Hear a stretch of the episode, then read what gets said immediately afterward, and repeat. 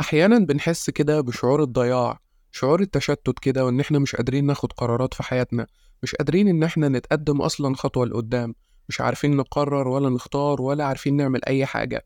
شعور بالضياع كده مسيطر علينا ومش عارفين أصلا اللي هو إحنا فين من مين وبنعمل إيه ومش عارفين أي حاجة خالص. أهلا بيكم أنا إسلام رجب وأنتوا بتسمعوا بودكاست قهوة بدون سكر.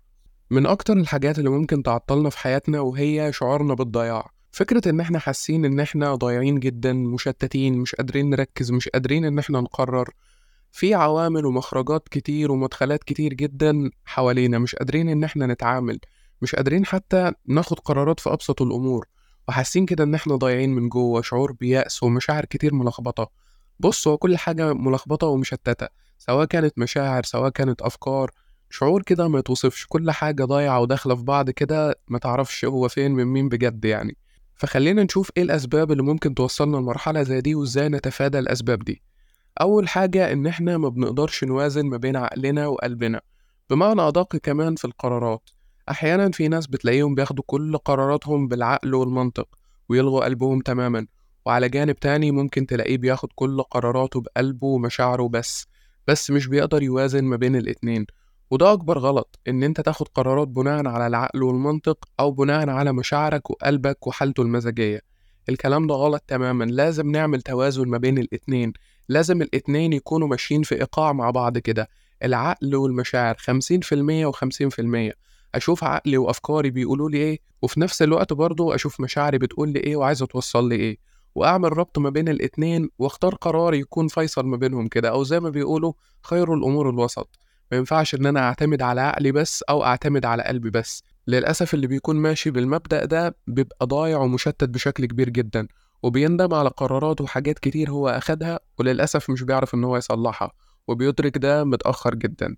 تاني حاجة بقى إن الخوف مسيطر على حياتك. في ناس كتير جدا بتحس إن الخوف مقيدها مش مخليها قادرة إنها تتحرك مش قادرة إنها تدخل في تجارب جديدة تخوض تجربة جديدة تطور من نفسها. عندها شعور بالخوف كده إنها لو دخلت في حاجة معينة هتفشل أو إن أنا لو دخلت الحاجة دي مش هقدر أنجح فيها بالشكل اللي أنا متوقعه أو فلان هيقول عليا إيه. مخاوف كتير جدا والمخاوف هنا بتبتدي إنها تسيطر علينا والمفروض يحصل العكس إن إحنا اللي نسيطر على المخاوف دي. الشعور بالخوف مش هنقدر إن إحنا نهرب منه بس نقدر إن إحنا نسيطر عليه. كده كده إحنا هنخاف على مدار حياتنا. بس مع مرور التجارب والخبرات الخوف ده معدله بيقل شوية بشوية. مش بيفضل زي ما هو عالي كده ويسيطر على حياتك لأ. اكسر حاجز الخوف عن طريق إن أنت ترمي نفسك في التجربة نفسها وتشوف هتتعامل إزاي. واقعد مع نفسك كده واتكلم وقول هو إيه اللي هيحصل؟ إيه اللي هيحصل لما أدخل التجربة دي؟ إيه اللي هيحصل أصلا لو المخاوف اللي عندي دي حتى اتحققت؟ الدنيا هتبوظ إيه اللي هيحصل؟ القيامة هتقوم. اتكلم مع نفسك بنفس النمط ده هتلاقي إن المشكلة ابتدت إنها تهدى شوية. وحاول على قد ما تقدر إن أنت تتكلم مع نفسك بصوت عالي. تناقش نفسك بصوت عالي تتكلم بصوت عالي وتقول كل الأفكار اللي عندك. لأنك فكرة إنك تحبس الخوف جواك ده معناه إن هو هيسيطر على حياتك. لكن علشان تحرر المشاعر دي وتقدر إن أنت تخوض في تجارب جديدة وتكتسب معرفة وتكتسب مهارات جديدة لازم تحاول على قد ما تقدر إن أنت تفرغ الخوف ده من جواك. اتكلم مع نفسك وتناقش بصوت عالي. وشوف النتيجة اللي هتوصل لها في الآخر. تالت حاجة وهي إننا للأسف بنعيش في بعض الأحيان على معتقدات الآخرين وده بسبب البيئة اللي إحنا نشأنا فيها والتربية اللي إحنا نشأنا فيها. من إحنا وصغيرين بنتعود في البيت أو المدرسة إن إحنا نعمل الحاجة دي بدون ما نفهم إحنا أصلا بنعملها ليه أو بنعمل الحاجة دي أصلا علشان نرضي مين أو بنعمل الحاجة دي أصلا علشان نكتسب إيه. فبالتالي ده بيكون أسلوب حياتنا إن إحنا نحاول على قد ما نقدر إن إحنا نرضي كل الأطراف اللي حوالينا وننسى نفسنا. ونعيش كمان على المعتقدات والمبادئ بتاعتهم هم المبادئ اللي هم مؤمنين بيها المبادئ اللي هم طلعوا بيها من خبراتهم الحياتية. طب إحنا فين الخبرات بتاعتنا؟ فين المبادئ بتاعتنا؟ فين المعتقدات بتاعتنا؟ أنت ليك حياتك. فكرة إنك تتعلم من غيرك ده على عيني وعلى راسي لكن لازم أنت يكون ليك التجارب بتاعتك اللي طلعت منها بخبرات ومعتقدات اللي طلعت منها بمبادئ كتير جدا ممكن إن أنت تعيش بيها على مدار سنينك اللي جاية لازم معتقداتك تكون نابعة منك أنت. بناء على التجارب اللي أنت اتعلمتها بناء على التجارب اللي ربنا حطاك فيها والتحديات الصعبة. التحديات الصعبة اللي ربنا سبحانه وتعالى بيحطنا فيها مش الغرض منها إن إحنا ننكسر أو الغرض منها مثلا إن إحنا نقع وما نقومش تاني وكل الكلام ده. الغرض منها إن إحنا نتعلم. أنت مش هتتعلم غير لما تدخل في التجربة نفسها. فالغرض من أي تجربة إحنا بندخلها علشان نتعلم ونكتسب معتقدات ومبادئ ومهارات كتير جدا. فحاول على قد ما تقدر تراقب نفسك وتشوف هل أنت ماشي على مبادئ ومعتقدات غيرك ولا أنت ماشي على مبادئك أنت الشخصية والقناعات بتاعتك؟ رابع حاجة إن إحنا بنخالط نفسنا في بعض الأحيان بناس متشائمة. ناس دايما بتصدر لنا إحباط وطاقة سلبية. وللأسف الناس دي بتخلينا مش قادرين إن إحنا نتعايش مش قادرين إن إحنا نتأقلم على أي وضع إحنا فيه. تلاقيهم دايما بيصدروا طاقة سلبية والدنيا خلاص بتبوظ وإحنا مش هنعرف نعيش مستقبلنا واللي نجح نجح خلاص واللي حقق حقق خلاص. وكلام كتير جدا سلبي. كلام مش هيحركك لقدام كلام هيخليك ترجع خطوات كتير لورا. طب أنا ليه أساسا أحاوط نفسي بدايرة زي كده لما ممكن أعزل نفسي منهم أو أفصل نفسي منهم أو أقلل من المقابلات لو هم ناس مفروضة عليا في حياتي؟ لو هم ناس من قرايبي أو ناس من عيلتي أحاول على قد ما أقدر إن أنا ما أحتكش بيهم كتير ما أتكلمش معاهم في أحلامي وطموحاتي كتير علشان محدش يحبطني. آه في بعض الأحيان بتكون الناس دي مفروضة علينا بسبب إن هم قريبين مننا جدا. فدورك هنا بقى إن أنت تحاول على قد ما تقدر إن أنت ما تتناقشش معاهم في أي حاجة تخص مستقبلك أو تخص أهدافك أو طموحاتك أو أي حاجة أنت عايز تحققها. لأن للأسف مش هتلاقي الرد اللي أنت متوقعه. أنت هتلاقي كلام سلبي كتير جدا. وبعيدا عن الأسباب اللي بتخليهم يعملوا كده بس اللي يهمني ويخصني هو أنت. فحاول على قد ما تقدر إنك تحاوط نفسك بدايرة إيجابية تحفزك وتساعدك إن أنت تكمل. ولو مفيش يفضل تكون لوحدك لحد ما تلاقيهم. لكن بلاش تحوط نفسك بدايرة سلبية تجيب لك أساسا سلبية فوق أفكارك السلبية. خامس حاجة إن إحنا بنركز على أفكارنا السلبية. والأفكار السلبية دي عاملة زي السرطان كده والعياذ بالله يعني. الأفكار السلبية لما بتستحوذ علينا مش بتخلينا قادرين نعمل أي حاجة. كلام سلبي كتير جدا بنقوله لنفسنا. تحس كده سبحان الله اللي هو البني آدم عدو نفسه هو اللي بيوقف نفسه وهو اللي بيحبط نفسه. طب ليه ممكن نعمل كده لما ممكن نستبدلها بأفكار إيجابية؟ نحفز نفسنا بنفسنا نقول لنفسنا كلام إيجابي على الأحلام اللي إحنا عايزين نحققها على الأهداف. ما نحبطش نفسنا ونقول على الأفكار الإيجابية ده وهم ومفيش حد هيعرف يفكر بشكل إيجابي. لا في ناس كتير جدا بتعرف تفكر بشكل إيجابي بس بشرط إن أنت تقرر وتدرب نفسك على ده.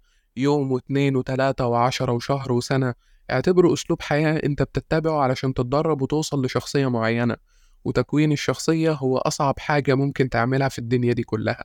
فالموضوع مش سهل الموضوع مش هتزرعه النهاردة هتحصده بكرة. أنا عارف إن مقاومة الأفكار السلبية بتكون حاجة صعبة بشكل فظيع جدا بس أنا مش طالب منك إنك تقاومها. أنا كل اللي طالبه منك إنك تستسلم لها وتكتبها قصادك. تستسلم لها مش بمعنى إن أنت تلبي لها كل الاحتياجات بتاعتها أو إن أنت تسيبها تسيطر عليك وتستحوذ عليك. لأ تستسلم لها بمعنى إن أنت تخليها تعبر عن نفسها ما تكبتهاش جواك لأن ده هيتخزن معاك لقدام.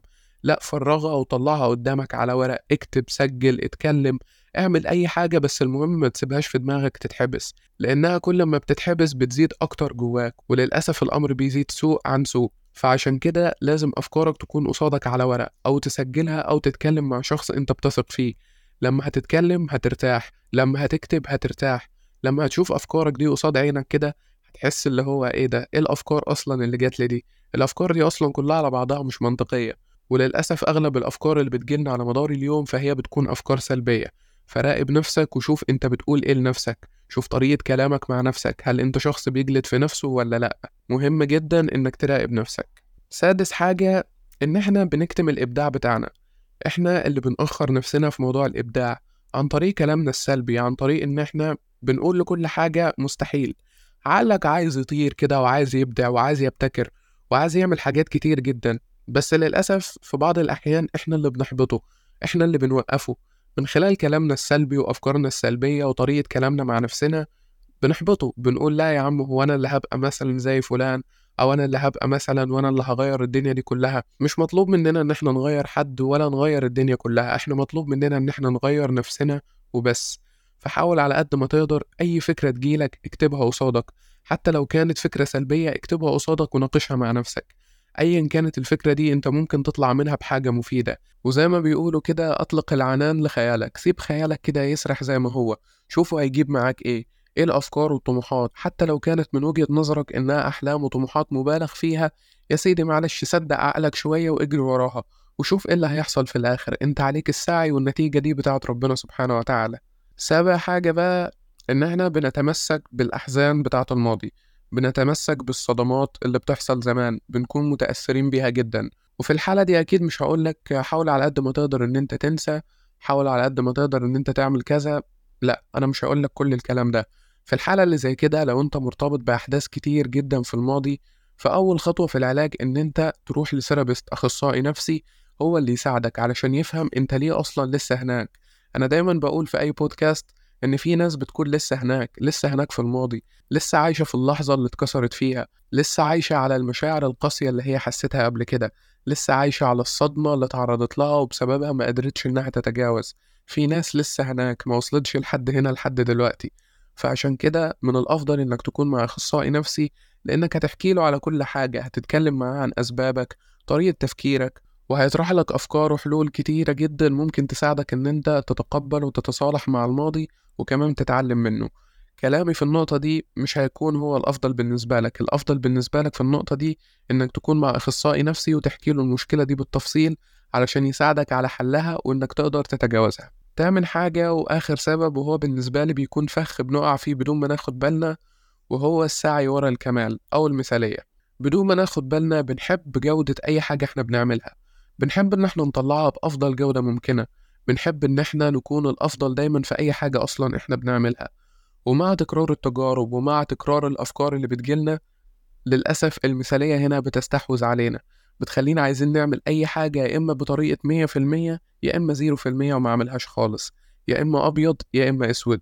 ما عندناش رمادي خالص. يا إما أعمل الحاجة دي بطريقة مثالية وما تخرش المية يا إما ما أعملهاش أصلا. ومع الأسف السبب ده بيوقفنا عن تحقيق حاجات كتير جدا. بيوقفنا عن تجارب كتير جدا وفرص كبيرة جدا بتضيع علينا بسبب فكرة إن المثالية مسيطرة علينا بسبب إن إحنا عايزين دايما نكون أشخاص كاملين.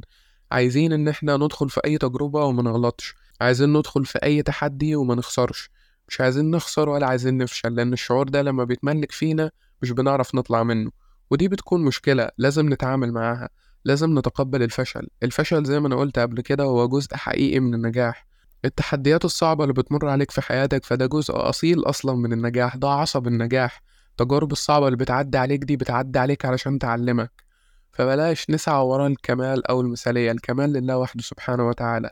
ولو انت شايف أشخاص قصادك بالشكل ده سواء كان على ال social media أو في أي مكان فأحب أقولك إن أنت مش شايف الصورة الكاملة لحياة الشخص ده. في كواليس كتير جدا أنت متعرفش عنها حاجة. ربنا ستره في حاجات كتير جدا أنت متعرفش عنها حاجة. يمكن أنت عارف عيوب نفسك علشان كده شايف إن أنت مش أفضل حاجة. بس صدقني محدش فينا أفضل حاجة. كلنا بنجاهد نفسنا وبنحاول على قد ما نقدر إن إحنا نكون أفضل نسخة من نفسنا. بنحاول نطور منها بشكل مستمر علشان ما نقعش في أي غلط وعلشان نحاول على قد ما نقدر إن إحنا نتعلم من أي تجربة فاشلة. لكن مفيش حد اسمه ده الأفضل على الإطلاق. مفيش اللقب ده ومفيش أي حد في الدنيا دي يستحقه. لأن الكمال لله وحده سبحانه وتعالى. العظمة لله وحده سبحانه وتعالى. مفيش حد فينا يقدر يوصل أصلا للمرحلة دي. فحاول إنك تتخلى عن فكرة الكمال والمثالية بإنك تدخل التجربة وتجرب. مرة واتنين وتلاتة هتلاقي الموضوع بدأ يظبط معاك. شيل الموضوع من دماغك واعتبرها كده متعة بالنسبة لك. أي حاجة بتحاول تعملها وبتحط في دماغك إنك لازم تعملها بشكل مثالي غير مفهومك تجاهها وحاول إن أنت تقول لنفسك لأ أنا هعمل الحاجة دي علشان أنبسط بيها. مش هعملها علشان خاطر حد ومش هعملها علشان خاطر أنجح. أنا هعمل الحاجة دي علشان دي هواية بالنسبة لي. أنا هجتهد في الشغل ده علشان أرضي ربنا سبحانه وتعالى. جدد نيتك في أي حاجة أنت بتعملها وغير مفاهيمك تماما عن المثالية. لأن المثالية مش موجودة في أي بني آدم. ربنا سبحانه وتعالى هو بس اللي بيملك المثالية. فخلاصة كل الكلام اللي أنا قلته النهاردة ده وخلاصة كل الأسباب إحنا كنا بنتكلم في الأساس على فكرة الشخص المشتت اللي حاسس بالضياع اللي مش قادر إن هو يقرر مش قادر ياخد خطوة مش قادر إن هو يتقدم مش قادر إن هو يتطور مش قادر يعمل أي حاجة في حياته ولا يمارس أي حاجة في حياته. كل اللي أنا طالبه منك بعد ما تسمع الأسباب دي كلها إنك تجرب. امسك ورقة وقلم كده واقعد مع نفسك بس ادي لنفسك وقتك. بلاش تحصر قعدتك مع نفسك في نص ساعة على مدار اليوم أو ساعة. قسمها على مدار أيامك. كل يوم كده خصص جزء معين بتقعد فيه مع نفسك. تكتب أفكارك تعرف أنت عايز إيه اتعرف على نفسك أكتر. وادخل وجرب ما تتكسفش. افشل افشل مرة واتنين وعشرين وتلاتين. صدقني والله لما هتوصل للنتيجة في الآخر هتنبهر.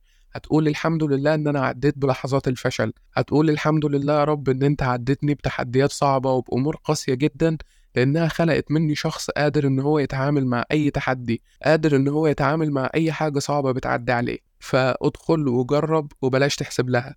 بلاش تحسب كتير بلاش ترتب أمور كتير بلاش تحط حسابات كتير جدا في عقلك. ما تحسبش وادخل التجربة وقيمها وشوف إيه اللي هيحصل في الآخر. وشعورك بالتشتت والضياع بعد ما تدرك التمن أسباب اللي اتكلمنا عنهم النهاردة. مع مرور الوقت هيبتدي إن هو يقل وهتتعرف على نفسك أكتر وهتعرف أنت محتاج إيه وعايز إيه. أشوفكم على خير دايما في حلقة جديدة وبودكاست قهوة بدون سكر.